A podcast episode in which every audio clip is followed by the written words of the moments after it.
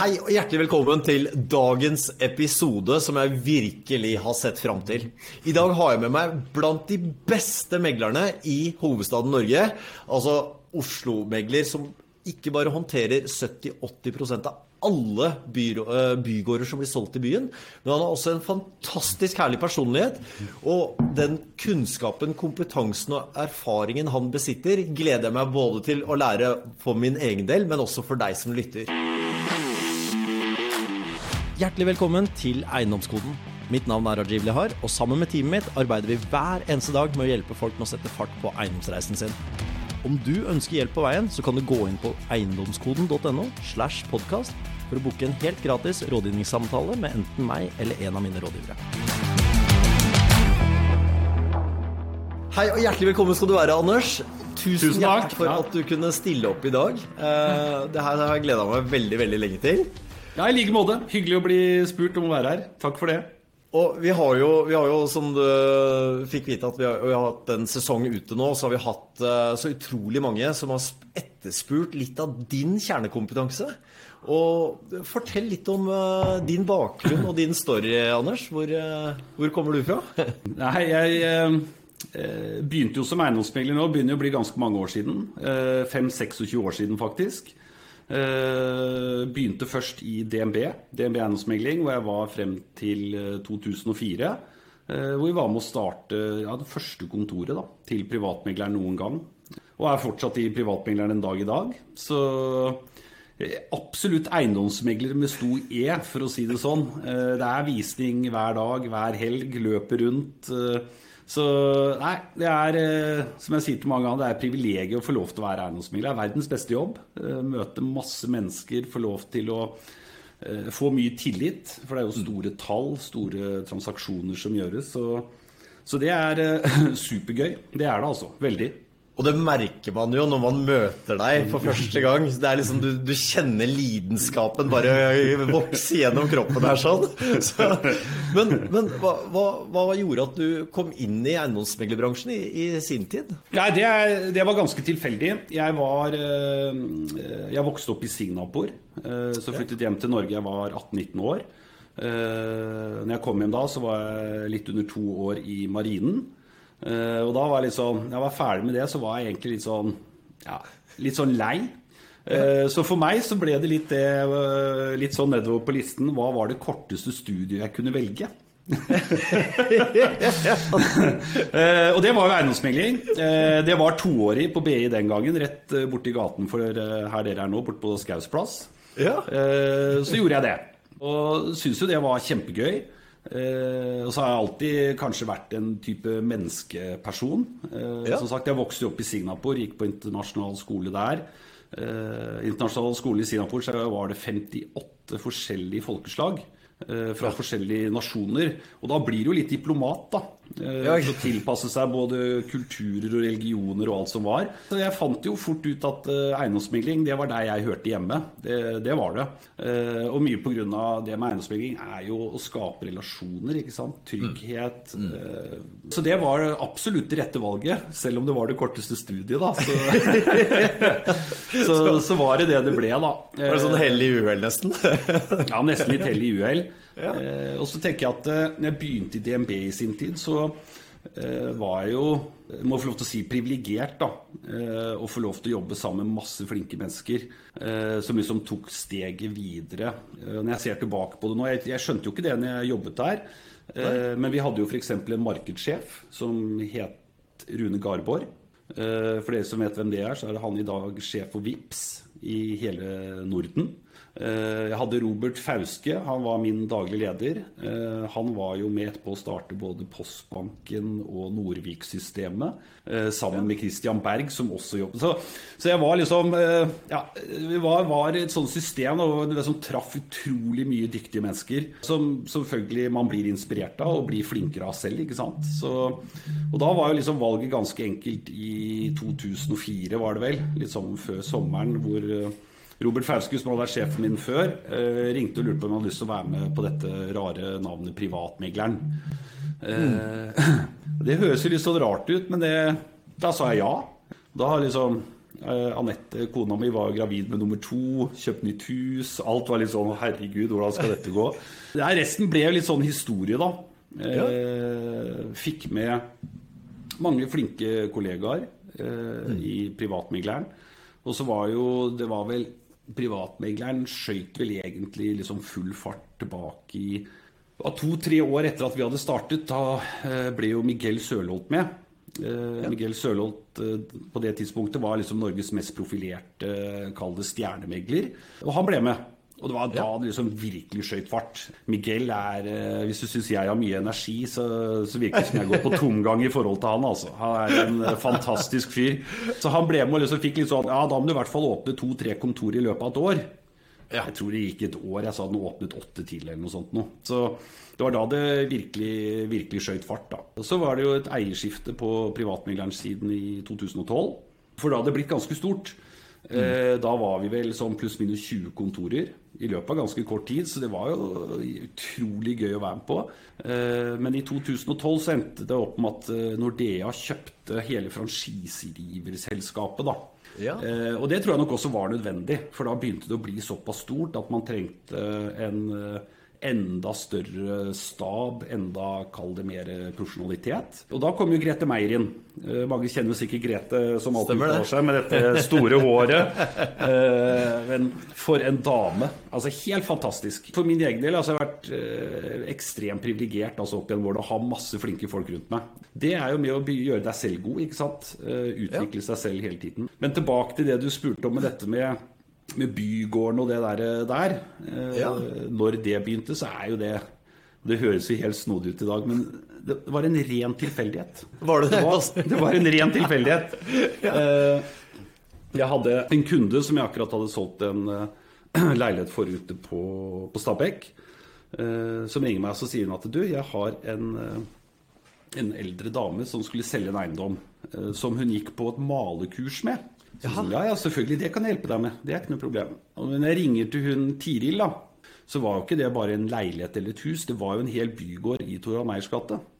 Ja. Eh, og så er det viktig at uh, man husker at dette er jo 20 år siden, eh, så det har jo skjedd noe med prisbildet. Men jeg var der da eh, og så på denne bygården, så det er ikke det hemmelighet, det var jo nybegynner. Jeg skjønte jo ikke hva dette skulle koste og hva det var verdt. Og det er jo en kjempeflott hjørnegård. Fire etasjer. Eh, men den gangen så antok jeg at nei, det kostet noe sånn ca. 20 millioner kroner. Og hun ble liksom satt ut, bare for hun syntes det var en ekstremt høy sum. Eh, så greit. Hvordan vi liksom skulle angripe den materien. Eh, som sagt hadde vi akkurat begynt Privatmegleren. Eh, og Privatmegleren startet jo sammen med Carl Maursund i Privatbanken. Det var en liten bank som etterpå ble kjøpt opp av SEB. Så jeg spurte Carl om hjelp. Ja.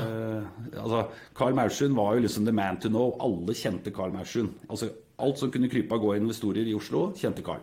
Ja. Og det var ikke noe problem. Han skulle ta noen telefoner hvis jeg kunne lage en sånn liten presentasjon. Han sendte jo det ut til alle han kjente. ikke sant? Ja. Og kom og skulle ha visning i Toran Meyers gate første gang, så sto det jo 40 mann der. Såpass, ja. Ja, ja. Og da, da snakker vi Og det var liksom alt som kunne krype av gå, fra Pål Gundersen til Ivar Tollefsen. Altså det var Edgar Haugen. Alle var der. Jeg ble ja. helt satt ut.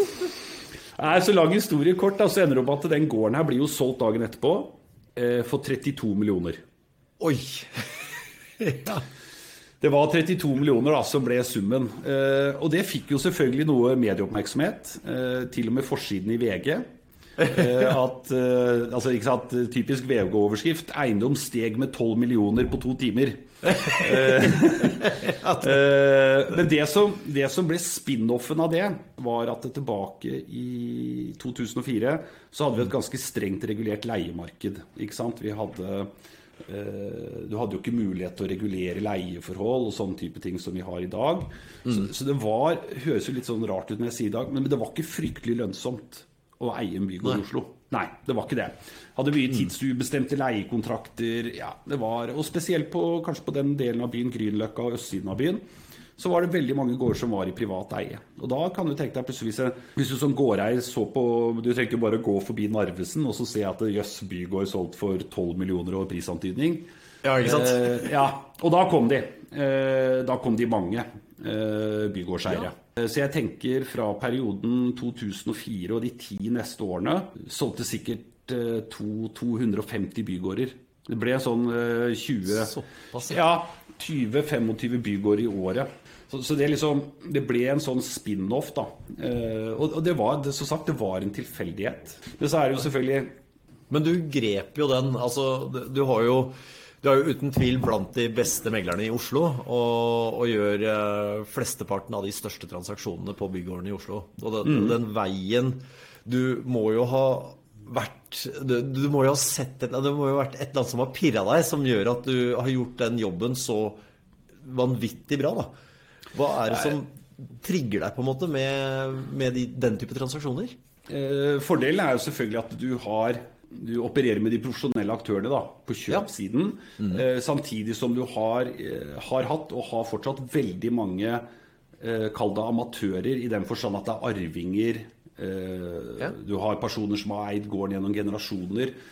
Kombinasjonen med at du klarer å ha den Kall det omsorgen for både altså for selgerne, men den ekstreme profesjonaliteten overfor kjøperne. Den balansegangen der har vært veldig bevisst i alle, alle år. Eh, mm. Og at man er etterrettelig i alt det man gjør. Eh, aldri vært noe shortcuts. Aldri liksom så, og det ryktet får man egentlig ganske fort hvis du opptrer etterrettelig ordentlig i den bransjen vi er. Så, mm. så, så får man et godt rykte noe med, og da blir man jo preferert, da. Eh, det gjør man. Og det, det har vært veldig bevisst å liksom passe på da, eh, opp gjennom alle disse årene. Og da, mm. nå, nå, var du litt inne på akkurat det jeg skulle inn på. Liksom. Altså, hvem er det som typisk investerer i bygårdene? Eh, nå var du litt inne på det at det er, det er mer og mer, eh, mer, profesjonelle aktører. Og det er jo egentlig en sånn magi i seg selv, det der med å sjonglere begge de to sidene. Ja, det er akkurat det. Og, og jeg tror, kjenner jeg deg rett nå, så, så, trigges du jo av litt kompleksitet også. Og ja, ja. Ting, ting, må være du, du, må kjenne at du må gi litt da, for å, for å få landa ja, ting. Det er akkurat det. Og så er det sånn uh, I disse bygårdstransaksjonene så er det Det er egentlig aldri noe som er rett frem. Uh, det vil alltid være noe med disse gårdene kanskje bestefaren din eide den før. Han har ulovlig delt opp de ti leilighetene til 20.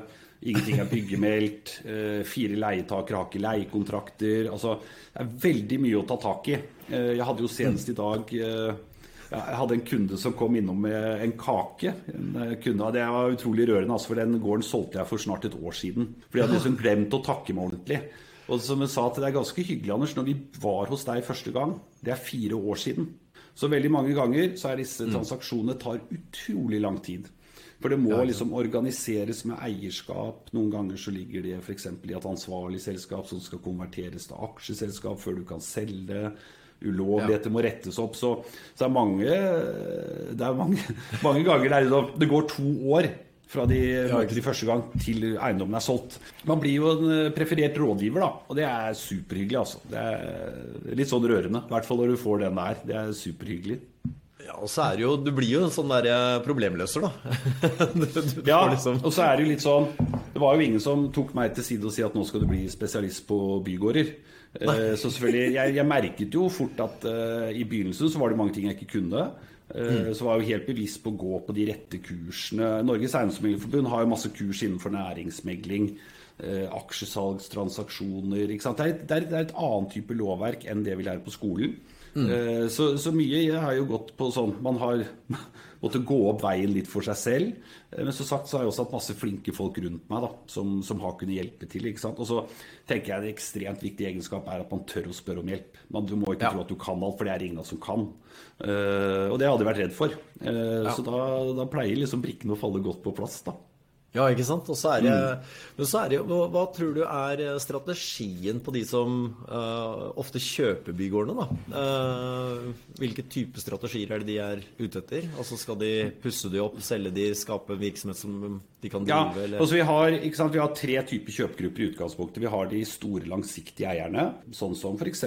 Merkantilbygg og Fredensborg Stemmer. De, ja, ikke sant? Som, som, eier hundrevis og noen tilfeller tusenvis av boliger på utleie.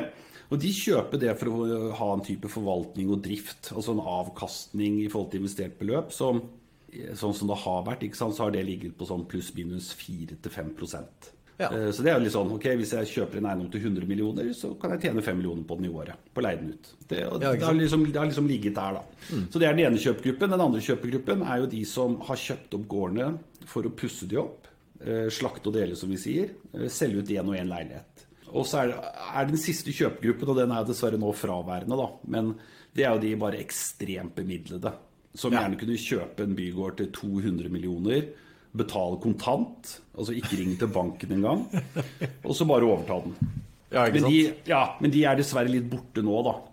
Eh, De har Borte jo- fra markedet eller borte fra landet? Ja, begge deler. Absolutt begge deler. For sånn som eh, det var, og det er sikkert mange som kanskje hører på, da, som husker at eh, for tre-fire-fem år siden så fikk vi plutselig første gang på ligningen din noe som het primærbolig og sekundærbolig. Eh, og det som har skjedd, eh, er at eh, sekundærboligverdien, altså verdien av utleieboligene, fra å kanskje utgjøre 20-30% er satt nå til 100 Ja, så? Hvis du kjøpte en bygård til 100 millioner før, da kunne du oppleve at formuesverdien var 30 millioner. Og da var det ganske gunstig sånn formuesskattsmessig å kjøpe en sånn gård, for poff, så var du kvitt 70 millioner av formuen din, ikke sant? Ja. Eh, I hvert fall sånn på ligningen, da. Men det er, det er det helt slutt på. Og derfor så går jo nå eh, boliggårdene går ut til full reell verdi. Eh, og derfor så opplever vi ikke at de har ikke så mange av disse ekstremkjøperne lenger, da. De er litt borte. Så det er ikke noe gunstig kanskje for de å investere i en sånn type bygård som det det var tidligere, da.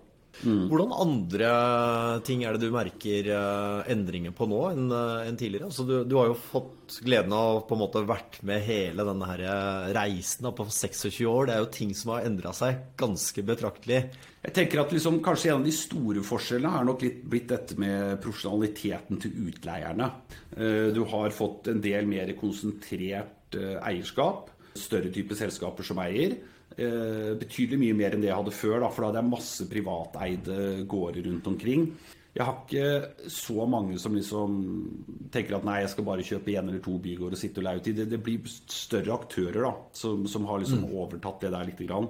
Eh, Og så er jo leiemarkedet blitt Kall det litt mer åpent. Før så var det veldig regulert eh, Ja. i forhold til hva det er nå. Så får vi se hva de politikerne gjør med fremtiden, da. Men eh, altså selvfølgelig parallelt med at du har hatt en ekstrem verdistigning, da. Ikke sant? Ja. Verdien av murstein har jo i løpet av eh, 20 år gått opp 800 liksom. Ja, ikke sant? Ja. Paradokset er jo det at leieinntektene har jo Altså eh, husleiene har jo ikke steget like mye. Stemmer. De har ikke det. Eh, Og det er nok, der må nok en del av disse eiendomsinvestorene eiendomsbesitterne se seg selv litt i speilet. Fordi mange har jo bare vært fornøyd med å liksom se på verdistigningen av eiendommen. Og kanskje ikke vært like flinke og påpasselige med å regulere husleien deretter. da. Ja, ikke sant? Eh, ja, så, så der har man Så du får et mer sprik, egentlig, fra ja, for, et, for i noen tilfeller et veldig stort sprik. Ja. Men det skal bli spennende å se nå fremover. Jeg tror at eh, det som eh, nevnte så vidt i stad, med dette med primærbolig- og sekundærboligbeskatning, Stemmer. det har jo ført til at veldig mange privatpersoner som før kanskje hadde en ettroms eller toroms de leide ut, har jo sett at det, det er ikke så veldig lønnsomt. Så, sånn helt ærlig for å stikke fingeren i jorda, det er en jobb å ha utleieleiligheter også. Eh, Det er jo det. Det er sånn Jeg har en kunde som sa det en gang på en litt så morsom måte at fy faen, Anders, nå har jeg 100 leiligheter. Jeg bare, Det er jo ganske imponerende. Ja, men da har du 100 problemer også. Ja, jo- Ja, så, så det er en jobb. Eh, Ja, men det som er litt sånn synd for Oslo sin del, hvis vi skal se på det isolert sett, av det markedet jeg kjenner, er at pga. at vi har fått dette endrede skattetrykket på utleieboligene, så er det jo i løpet av de tre siste årene solgt unna 6000 utleieleiligheter i Oslo. ja, ikke sant? Ja, Det er et ganske ekstremt tall. Eh, Og det igjen, da. Det som gjør da at uh, utbudet av utleieleiligheter blir lavere. Og hva skjer da? Jo, husleiene stiger. Eh, Så jeg tenker at de som nå kan sitte igjennom eh, den, jeg skal ikke kalle det altså Det er jo litt røffere tider her ute nå. ikke sant? Det er ekstremt mye dyrere å låne penger. Eh, Men de som nå klarer å sitte igjennom, de vil nok komme ut som vinnerne på andre siden. Helt klart. For mm. husk at hvis meg og deg skal gå i banken og låne penger til å kjøpe oss hus, da koster det 4% rente. Men på næringssiden så er det oppe i 6-6,5 Stemmer. Så du er avhengig av å ha en ganske god avkastning, da, altså leieinntekter på det du investerer. Og det er ikke alle som klarer å sitte igjennom. Vi har jo en del nå som kaller det nesten må selge. Eh, og Derfor så blir det de som klarer å sitte igjennom nå, og kanskje har litt oppsparte midler til å betale den differansen mellom det du har i leie og det banken skal ha i renter. Stemmer. de vil nok ende opp som vinner i andre enden, tror jeg. For det leienivået, dessverre, det, det må opp 30-40 Ja, men det er så brutalt. Ja, det merker jo det selv på egne porteføljer også, at det er uh, betydelig mindre marginer. Uh, mm. Så har jeg tatt høyde for en del andre ting, da, som verdistigning. Jeg er veldig opptatt av, av det her med verdiskapning. Da, at du gjør et eller annet med eiendommen som gjør at mm. du øker den i verdi. Mm. Om du er pusse opp, seksjonere, et eller annet som du tilfører eiendommen, og på den mm. måten kan justere litt av den marginen eller, eller risikoen. Ja, ja. ikke sant? Og det er helt klart Mange av de boliggårdene vi har solgt opp gjennom årene, har det vært mye å gå på. ikke sant? Mm. Du kunne f.eks. ha en bygård med ti store leiligheter. Og så tenker jeg ja, men jeg er villig til å gjøre jobben. Jeg kan lage ja. bokollektiver istedenfor to soverom, så kan jeg få fem. Jeg kan mm. søke om å bygge ut loft. ikke sant? Det er mye man kan gjøre for å øke liksom leieinntektene på gården. da. Og kanskje dra ned belåningsgraden ikke sant, i, i visse tilfeller. Men det er jo som du sier, da, altså når du har 6,5 rente røftlig ja. Nå har vel ikke siste renteøkninga trådt i kraft ennå heller, så vi Den har nok ikke slått inn helt ennå, men uh, det er fortsatt gode, OK tider til å se i retning av å gjøre en eiendomsinvestering. Det er ingen tvil om det. Og det kan mm. godt hende at uh, det er liksom som jeg sier litt sånn fleipete, at liksom buy the dip. Du bør prøve å kjøpe på bunn. Altså Du kommer aldri til å klare å selge på topp og kjøpe på bunn. Men at det nå er betydelig mye lavere uh, inngangsverdier, altså salgspriser, på en del gårder i forhold til hva det var for bare to år siden, det er jo. Uh, mm. Så hvis det må noen gang? For det er jo det som betyr noe. Altså, hva betaler jeg når jeg går inn første gang? At du kan få en bedre deal nå enn det du kunne for to år siden. Uten tvil. Men selvfølgelig, det forutsetter jo at selgeren er villig til å selge, da. ja, ikke sant? Det er det. Men hvordan, hvordan, følger du markedet? Altså, det er jo litt sånn som vi har vært inne på nå, det er jo uforutsigbart. Ikke sant? Mm. Du, hvordan følger du investorene tenker nå i forhold til den tida vi er inne i? Er det stor investeringsvillighet, salgsvillighet? Altså Nei, det er nok en mye større investeringsvillighet enn det er en salgsvillighet. Det er det. Ja. Uh, så jeg får jo ukentlig telefoner fra uh, fra eiendomsinvestorer som du, er det noen dealer på gang? Hva er det som skjer? Eh, og jeg merker at de er opportunistiske i den forstand at de håper jo at vi kanskje ja. har fått inn noe på noen som må selge. ikke sant? Mm. Eh, men det betyr jo også at de sitter ganske tett med pengesekken sin. Fordi de kjøper ikke hvis ikke det er liksom akkurat det rette objektet de skal kjøpe. Eh, og de føler at dealen er så god at det må jeg bare ta. Ikke sant? For det, Da er de redde for at de plutselig bruker opp alle pengene sine nå, og så har ikke en deal å kjøpe neste uke. Ikke sant? Så, så, så det er mange som er der. Eh, veldig mange av de aktørene som er her ute nå, de har vært med på det her i 20-25 år. Det har bare vært én da, sånn her rocket ride. ikke sant? Det har bare gått én vei. Så mange av de sitter jo veldig, veldig godt i det. Ja. Eh, og har egentlig ikke noe behov for å selge. Men de jeg opplever som, eh, som selger, eller hvordan skal jeg beskrive det på en fornuftig måte altså det blir sånn, Hvis du skal prise en eiendom ut ifra leieinntektene, da, så kan mm. eiendommen din kanskje være verdt 70 millioner. Mm. Men hvis vi ser på verdien av leilighetene enkeltvis, ja. så kan de kanskje være verdt 120. Og så spriket er så stort. Paradokset er at eh, boligmarkedet og Jeg sier paradokset, for det er jo ingenting som skulle tilsi at når renten er plutselig 4% istedenfor 1,5 at boligprisen i Oslo har gått opp 6,8% på fem måneder. Det er litt sånn. Eh, så verdien da, for deg som bygårdseier vil være mye større å selge én og én leilighet. Enn å selge den til deg for 70, så kan jeg heller ta og selge én og én leilighet, så får du 120. Eh, så der merker vi en spredd, da. Der er det en forskjell. Eh, og den, den har aldri egentlig vært så stor noen gang. Eh, nei, ikke sant? Nei, jeg har aldri opplevd det på alle de årene jeg har holdt på med det her.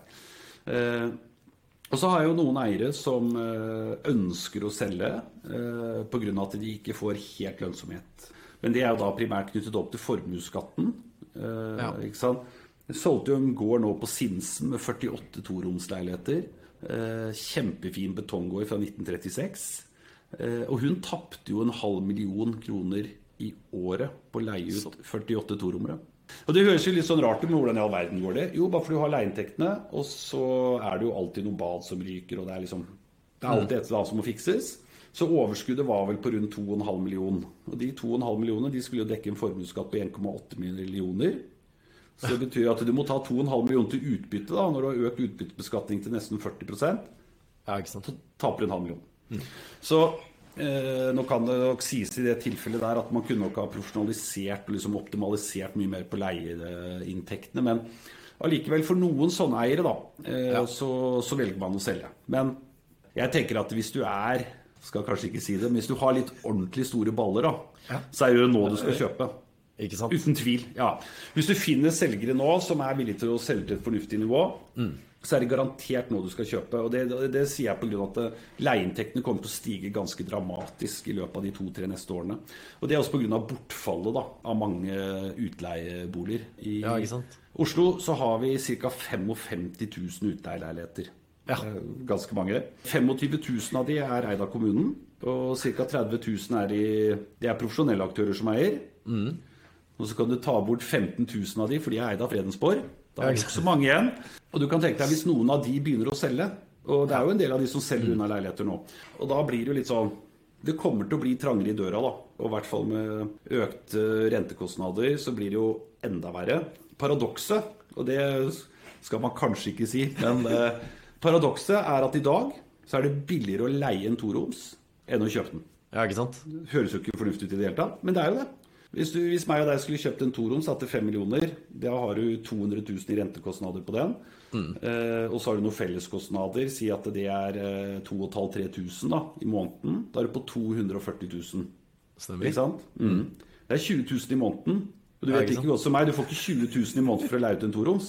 For en toroms fornuftig, god standard beliggende innenfor Ring 3, hva betaler du? ass? 15-16? 16, ja. Ja, ikke Ja. sant? Så det må gjøres en justering der, og den justeringen kommer uten tvil.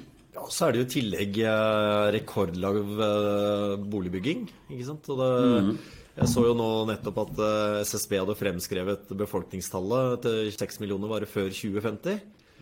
Så det blir jo et større og større gap. Altså det er jo allerede et gap. Det er et veldig godt poeng, det der. Altså for det som kommer til å bli ulempen fremover nå, er at vi kommer til å få et sånn fryktelig jojo-marked. Det kommer til å gå opp og ned, opp og ned. Hvis plutselig markedet er dødsbra igjen da, om et år, Ja. ja, da trykker alle på startknappen, og alle skal bygge, og alt skal skje. Men det tar to, det tar to år å produsere, da. Ja. Og da vil prisene stige noe voldsomt i de to årene, og så står alt ferdig, og så vil de gå litt ned igjen. Og da tenker jeg å fy faen, nå tør vi ikke å bygge. Så da stoppes alt igjen. Og så plutselig blir markedet bra, og så går det opp igjen. Så det der er jo ikke noe positivt for noen, men selvfølgelig det gir jo veldig mange muligheter, da. For å kanskje prøve å kjøpe litt på opp- og nedturer hele veien. Det er jo skikkelig, skikkelig trist egentlig det som skjer eh, med nyboligmarkedet og byggemarkedet. Sånn. Jeg så Skanska permitterte jo 500 mann nå. Ikke sant? Ja, ikke De har ikke så mye å gjøre. Og det er ikke pga. at de ikke har solgt. For Paradokset er at vi har prosjekter som er utsolgt, Ja. men de velger ikke å bygge de allikevel. Og så tenker vi, hva er det for noe? Jo, det er pga. rentekostnadene igjen. Jeg hadde en runde her med ja, en, en av disse sjefene i en bank eh, som driver mye med byggelånsfinansiering. Ja. Eh, og han var litt sånn fortvila, for de har jo innvilget byggelån på liksom hundrevis av leiligheter, men utbyggerne bare begynner ikke å bygge. Så ja, men hva er det for noe? Nei, altså byggelånsfinansiering går jo på 7,5-8% Stemmer. det begynner å bli sånne tall som man aldri trodde man skulle høre. Og da vil rentekostnaden din ligge på 10 000-12 000 kroner per salgbare kvadratmeter. I I, byggefasen. ja, I byggefasen. Så hvis jeg da liksom har budsjettert med å selge ut uh, nybygde leiligheter da, til 90 000 kroner meteren, Ja. ja. men da må du bare oppe det med 12-15, så du må ha 105 for å gå break even. ikke sant? Det går ikke. Ja. Så, så det er nok det som, eh, som stopper opp en del uh, på det der. Og det er ikke Selvfølgelig, det har blitt litt dyrere å bygge pga. at man må hente stål i Kina og ikke Ukraina og sånne type ting, men det er ikke det som ødelegger regnestykket, skjønner du. Det er den der eh, finansieringskostnaden. Og så er det i tillegg eh, uforutsigbarheten. Da. Selv om du har utsolgte prosjekter, så har du uforutsigbarheten med de to årene, da. Hva, Du har de skjer med renten? Ja, altså Hva skjer med renten er én ting, men så er det nok også det som hvordan er kvaliteten på kjøperne mine. Ja. Det er også noe å ta med seg i betraktningen. For det kan godt hende meg og deg har det jævlig bra i dag, men om to år har jeg råd til å gjøre opp for den leiligheten jeg skulle kjøpe. Ikke sant? Ja, ikke sant? Så, så jeg tror nok det også er, ligger og surrer litt bak i hodet på en del av de store utbyggerne. Og så har det jo vært en periode nå. ikke sant? Vi har hatt uh, alt fra barkebilen som drar opp treprisene, du har hatt uh, Suezkanalen, du har hatt covid, du har hatt krigen Det har vært er alt. liksom- Ja, ja. Før så har det liksom vært greit. Jo, det var finanskrisen, og det var ikke så jævlig vanskelig å sette fingeren på hva det var. Men nå er det jo liksom alle terningene er bare kasta opp i luften på en gang og bare håpe hvor lander de, liksom. Men så er det jo også sånn på disse nybyggboligprosjektmarkedene, det som er utfordringen der, er at hvis jeg ber deg om å kjøpe en toroms nå til fem millioner, mm. så vil du kanskje være reservert, bare for du er usikker på markedet, hvordan kommer det til å gå? Bare for det blir sånn ja. Kanskje den bare er verdt 4,5 når den står ferdig. Hvorfor skal jeg kjøpe den av deg nå? Så, ja, det, det, ja. så det, er ikke eh, Vi har jo en veldig veldig god prosjektavdeling i Privatmegleren. og det, altså Porteføljen har aldri vært større. Men det er ingen som, ja, ja, men det er ingen som setter i gang å bygge. Nei, det, er ikke det. det er ikke. Men, eh, det, så det mangel på tilskudd av nye boliger i markedet sender jo prisene opp. Samtidig som rentene går opp. Det er noe som ikke stemmer. Ja, Og så har det vel ikke vært tilsvarende scenarioer man kan se tilbake på og ta lærdom av heller. ikke sant? For du har ikke hatt alle de kombinasjonene samtidig. Jeg hadde jo Nei. Jeg så jo det du nevnte nå i stad, med at eh, det vil poppe opp kanskje enda flere muligheter nå hvis man er kreativ og man klarer å tenke og snu seg rundt og, mm. og, og lage gode løsninger for seg selv. Vi, jeg investerte jo en del i England når de fikk inn den her eh, tax reformation, hvor du ikke da fikk skattefradrag på lånet. Det er riktig. Og, da, og, i England så, jo, så, var det jo da mulig å få sånne buy to let-låns. Dvs. Si at uh, det lånet, du kan kjøpe den privat, så du får et lån basert på om den eiendommen klarer å bære seg selv. Ja, riktig. Så det satt jo da folk med 2000-3000 eiendommer i privat eie. Ja, ikke sant. Som plutselig da ikke fikk uh, skattefradrag. Mm. Men eh, ikke sant? vi hadde jo det samme eksempelet i Spania, ikke sant? når alt sammen gikk til helvete der nede også. Det var jo 40% av leilighetene sto tomme. De var bare kjøpt på spekulasjon. 40% ikke sant? Man får litt sånn derre um, Og fullfinansiert, var det ikke da? 100, de fikk vel 100 Ja, hvis ikke det var 110 ja. 110-15 finansiering. Men der, ikke sant? Samme der, da. Der kunne man gjøre noen skup. I Spania da så kunne du plutselig kjøpe en jævlig fint rekkehus som lå rett ved stranden. Og da kunne du plutselig oppleve at du kunne få 20 års fastrente på halvannen prosent. Ja, Hvis du bare tok det, for bankene vil jo ha det ut av bøkene sine. Ja, ja, ja. Så, så, det er liksom alltid det å tørre å ta noen muligheter når de er der. Og det er selvfølgelig, Jo større usikkerheten er, jo større blir jo vanligvis avkastningen. Da, men jo større baller skal du ha også, da. ja, du skal, ja, skal stå, du skal tørre å stå i det. ja, og det er derfor jeg sier at hvis du hvis du er litt fremoverlent nå og tør å ta noen muligheter, så tenker jeg at uh, å kjøpe for, for utleie Eh. Det kommer til å bli mindre utleieleiligheter fremover. Så kan nok det være ganske lønnsomt, altså. Hvordan føler du privatpersoner som investerer versus mellomstore, ikke de store store investorene, men mellomstore nybegynnende investorer. Hvordan er de på markedet nå? Det er ikke så mange av de. Så det er mindre konkurranse? Eh, ja, ikke sant. Det er også god mulighet. Ja, I det segmentet så er det det. Vi har jo hatt en investorgruppe som har vært det vi kaller for sånne boligflippere. Som har kjøpt ja. og pusset opp og solgt videre. For øvrig veldig veldig mange flinke av de som holder på med det. Men også langt færre av de nå. Mye pga. at det er dyrt å låne penger. Og så er man kanskje litt mer usikker på markedssituasjonen. Men dette boligmarkedet For jeg selger jo mye vanlig kalde type boliger hvert år også. Og det ruller bra, altså. Alt opp til 10-12, opp mot 15 millioner. Det er ut døra samme uke. Opplever kupping. Folk som banker på å kjøpe før det går visninger og sånn. Men uh, det er en egenskap mennesker har da, som er helt unik, er muligheten til å glemme. For det er sånn uh, Det er Covid er over. Det er, koster mer enn 1,5 å låne penger. Så det blir sånn Vi er tilbake da på 2019-2020-nivå. Du ser jo totalomsetningen i Norge er jo ned 11-12 Stemmer. Og Det er det det var 19, altså 2019-2020. Så vi er liksom tilbake i et mer normalt marked. da Så tenker ja. jeg for de som skal kjøpe seg leilighet for første gang eller flytte på seg. Det er jo positivt for alle egentlig at det er litt mer forutsigbarhet. da men så er det jo i det høyere prissjiktet så opplever vi at uh, en del ting går. Men så er det jo alltid sånn, ikke sant de som har, de har. Det er jo noen kunder som jubler når renta blir satt opp. Jeg bare Hæ? Ja, bare for da får de mer på innskuddet sitt. Ikke sant? så det er litt sånn derre eh, og de er ikke redde for å kjøpe. Vi har jo flere kjøpere som er på utkikk eh, liksom, i segmentet fra 30 til 60 millioner. Mm. Men de er det jo ikke så mange til salgs av. Så det har liksom vært et litt sånn spesielt marked nå, da, den siste perioden. Og så er det jo litt det her med Jeg bruker jo veldig ofte kollegaene dine for øvrig som sparringspartnere. Hvordan kan man bruke en megler som en sparringspartner sett fra et investorsperspektiv? da? Det kommer jo an på hvis du ser for deg f.eks. Eh, hvis du ser for deg å kjøpe en leilighet for å optimalisere, da Ja. Kanskje som bokollektiv, eh, dele inn litt annerledes, gjøre litt sånne type ting. Så tenker jeg at man kan absolutt bruke meglerne til å høre litt hva tenker du kanskje det vil være verdt hvis jeg gjør det? Men så tenker jeg også det at eh, de meglerne som man kanskje bør alliere seg litt med innenfor det området du har lyst til å investere i, da, er kall de lokale meglerne. Altså de som holder til der, de som selger mye leiligheter innenfor et visst geografisk område, som kjenner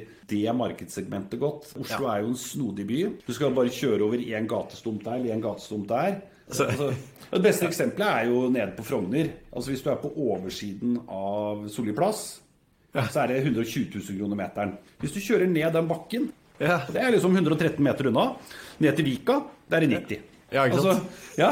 Så det er, det er, viktig å ha denne lokalkunnskapen mm. til meglerne. Og jeg syns at uh, både hos oss i Privatmegler, men også alle kollegaene mine i de andre selskapene, da, også er flinke til å dele av den kunnskapen. Hvis du ringer Du skal mm. ikke være flau for å ringe rundt til meglerne og spørre liksom, du jeg vurderer å kjøpe en toroms i det området der, uh, eller en treroms, kan jeg eller flytte kjøkken i stua, få to soverom. Hva tenker du kanskje merverdien vil være da, ved å gjøre ja. noe sånt noe? Mm. Mm. og også i forhold til salg igjen, altså, si du skal flippe, og ja. få, få, input fra megleren på type kjøpegruppe, demografien på hvem den type mm. leilighet bør kunne pusses opp til. ikke sant? Ja, for det blir, sånn, det blir jo så spesifikt at hvis du har en leilighet innenfor et geografisk område, uh, så vil du med ganske stor grad av sikkerhet tenke megleren vil i hvert fall vite hvem er det som kommer til å kjøpe den leiligheten. Stemmer. Og, eh, Når du da skal møblere den opp og style den, du vet at det er en småbarnsfamilie, ja, da må du innrede det ene rommet som et barnerom. da. Liksom, alle de tingene der sånn kan nok meglerne være flinke til å hjelpe til med. altså. Hvordan uh, tenker du, sett fra ditt ståsted, da, hvordan finner man en dyktig megler? Jeg vet hva jeg ville gjort, i hvert fall. Jeg ville ha gått på visning. Ja. Det ville jeg gjort. Hvis jeg var sånn at uh, jeg eh, skulle solgt huset mitt, f.eks., uh, mm. så ville du nok fort se at det er alltid en sånn fem-ti meglere innenfor et geografisk område som er mer aktive enn andre. Så ville jeg ha gått på visning, hvor den megleren hadde annonsert ut det huset for salg, for å se hvordan håndterer han en visning. Er det en person jeg kan få kjemi med? Du vil nok oppleve sånn Prismessig så er meglerne ganske like. Det er ikke sånn at én skal ha 50 000 og én skal ha 300 000. Meglerne prismessig er ganske like. Eh, men meglerne er jo ulike, for jeg er jo ulike folk, alle Stemmer. sammen. Og så er det jo et samarbeid. Du skal jo tross alt jobbe sammen med den personen, og så må det jo være en person du har tillit til. Alle pengene du har, det skal du legge opp i hendene til han der, han eller henne, eh, som skal forvalte for deg. Så jeg tenker det å teste ut og gå på visning og se liksom, jo, er det en person jeg kunne jobbet sammen med, eller ja, nei, ikke den personen, men den likte jeg. Og så etter at du har gjort det, så kanskje invitere igjen si to eller tre stykker da, til å komme hjem til deg, få de tilbudene, få tilbakemelding på verdien på, på den boligen du har. Mm. Men det er også et godt tips. Der bør man alltid være litt forsiktig også. Som egentlig er jo positive folk, som du sier. Men uh, bare pass på at ikke kanskje fortelle den megleren som kommer på besøk, hva den andre megleren har sagt at boligen din er verdt. Ja. For det, det, opplever jeg når jeg er i mm. konkurranse selv. At uh, først så hadde vi Thomas her. uh, og han ja. mente huset var verdt åtte. Og så når vi sa det til han andre, så sa han at det var verdt åtte og en halv. Uh, men mener du at det har vært ni, da, eller? Så man bare passer for at megleren ikke sitter og nesten har en budrunde mot seg sjøl bare for å få det oppdraget. For det, det ingen er tjent med, og i hvert fall ikke du som eier, er at du går ut med en for høy pris. Du må være markedsmessig. ikke sant? Ja. Så så gå på visning, sjekk litt rundt, og så ikke fortell de meglerne du inviterer inn, hva de andre har sagt, sånn at du får en helt objektiv vurdering fra den megleren du har på besøk, hva han tenker og mener huset ditt er verdt. Og så velg den megleren som gidder å forberede seg. Det er et godt tips. Det er for mange som sånn heseblesende kommer løpende inn døra, og ja, det har vært et annet sted, og ja, hvor stort var huset ditt igjen, og litt sånn. Du vil ha en, du vil ha en skjerpa person. En som, ja. deg, liksom, som, er dedikert til å gjøre den jobben den skal gjøre. Som du sier, forberedt, gjort hjemmeleksa. Uh, ja. Er de på, da? Du vil jo gjerne ha en, en, megler som har skrudd på knappen, og ikke Ja, ikke er alle andre steder og liksom holder på. Det er liksom alle pengene du har. Så, mm. så det tenker jeg er noen gode råd å ta med seg. Ja, det her var fantastisk god råd, faktisk. Eh, både det med, det med visning, altså sjekke ut uh, scenarioet som du skal egentlig typ ansette personen i.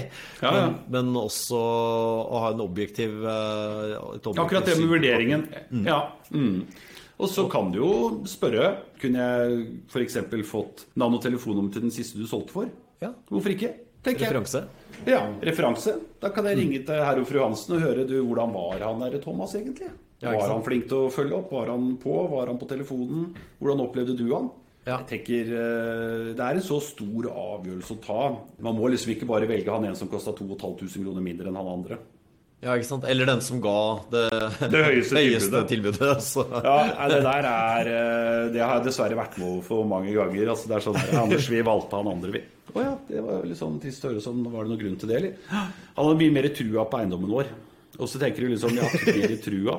Så tenker du Når du ser den eiendommen ligge på Finn for tredje måneden på rad, så kan du ha så mye trua du vil, altså, men hvis du liksom ikke prater om markedet, så er det brent. Det er liksom, man skal egentlig aldri undervurdere verdien av å få solgt på første runde. Ja, det er da det har nyhetens interesse. Du ser det jævlig godt på den Finn-kurven. Jeg legger ut en eiendom på Finn. Stemmer. Tre første dagene bare eksploderer. Ja. På dag fire begynner å gå ned med en gang. Begynner å falle. Så all interessen er der de tre-fire første dagene. Og de som følger med, de følger jo med. Ikke tenk på det engang. Altså, de, de, er så på. Og de kan, eh, liksom, hvis en eiendom har ligget ute i syv dager og ikke er solgt, så kan jeg få en telefon liksom, ja, Anders, nå ser jeg den der leiligheten i Bygdøy allé ligger enda. Hva er det gærent med den, da? ja. Er det noe gærent med den, eller? Jeg bare nei, hva tenk på, jeg har ikke hatt visning ennå. Å ja. Nei, jeg bare syns den har ligget så lenge.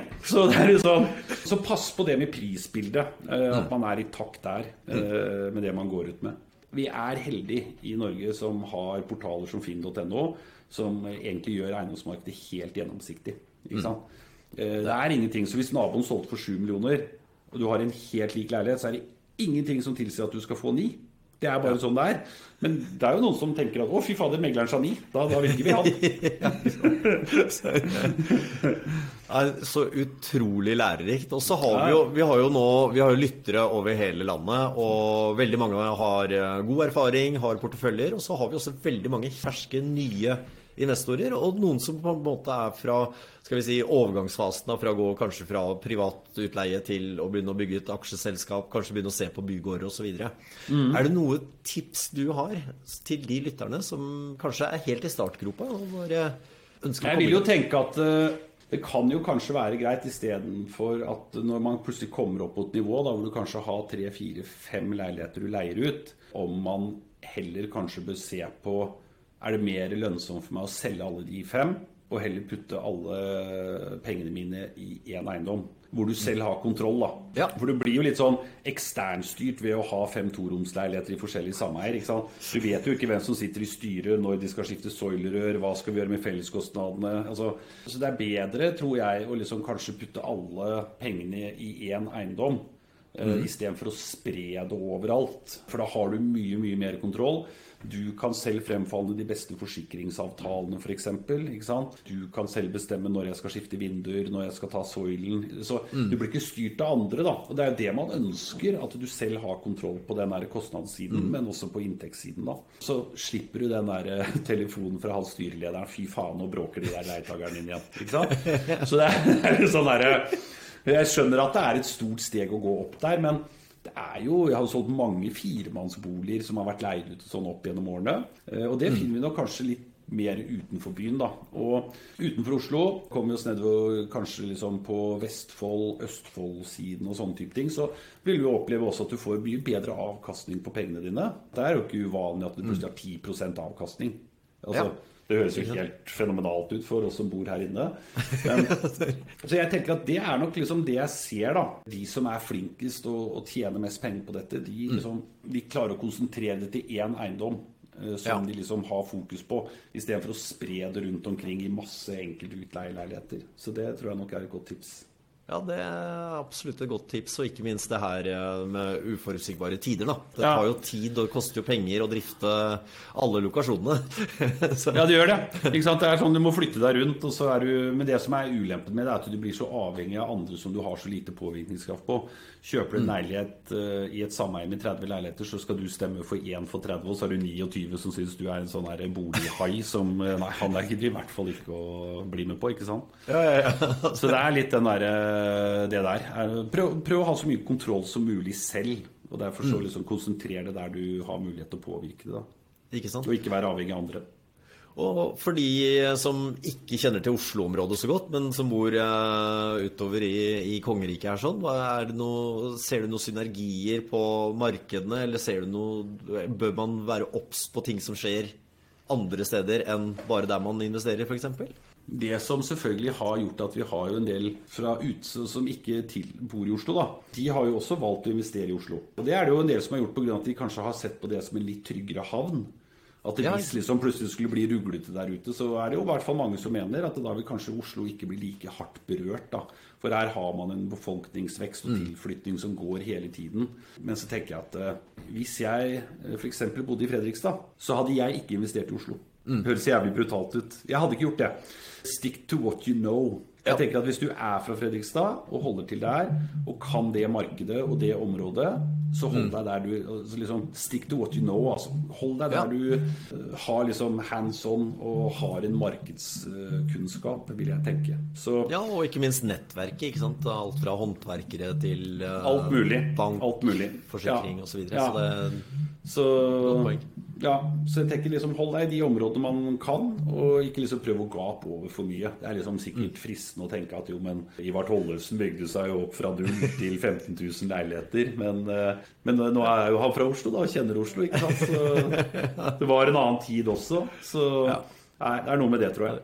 Ja, det her var utrolig lærerikt, Anders. Ja, Så hyggelig. Så bra. Det her var fantastisk. Jeg håper også dere som hører på, vær så snill, ta og legg igjen en kommentar, og gjerne en rating. For vi ønsker å nå ut til enda flere. Så jo mer du kommenterer, holdt jeg si, og jo flere ratinger vi får, jo mer kan vi kanskje inspirere, motivere og kanskje hjelpe noen enten i gang, eller til å kunne gjøre det bedre enn det de har gjort selv. Så kan Det er bra. Og så, unnskyld at jeg avbryter deg, men, men så, så må det ikke være flaue for å ringe og spørre heller.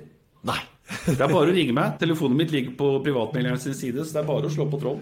Søk opp Anders Langtind, så har du tilgang på, på kontaktinformasjonen.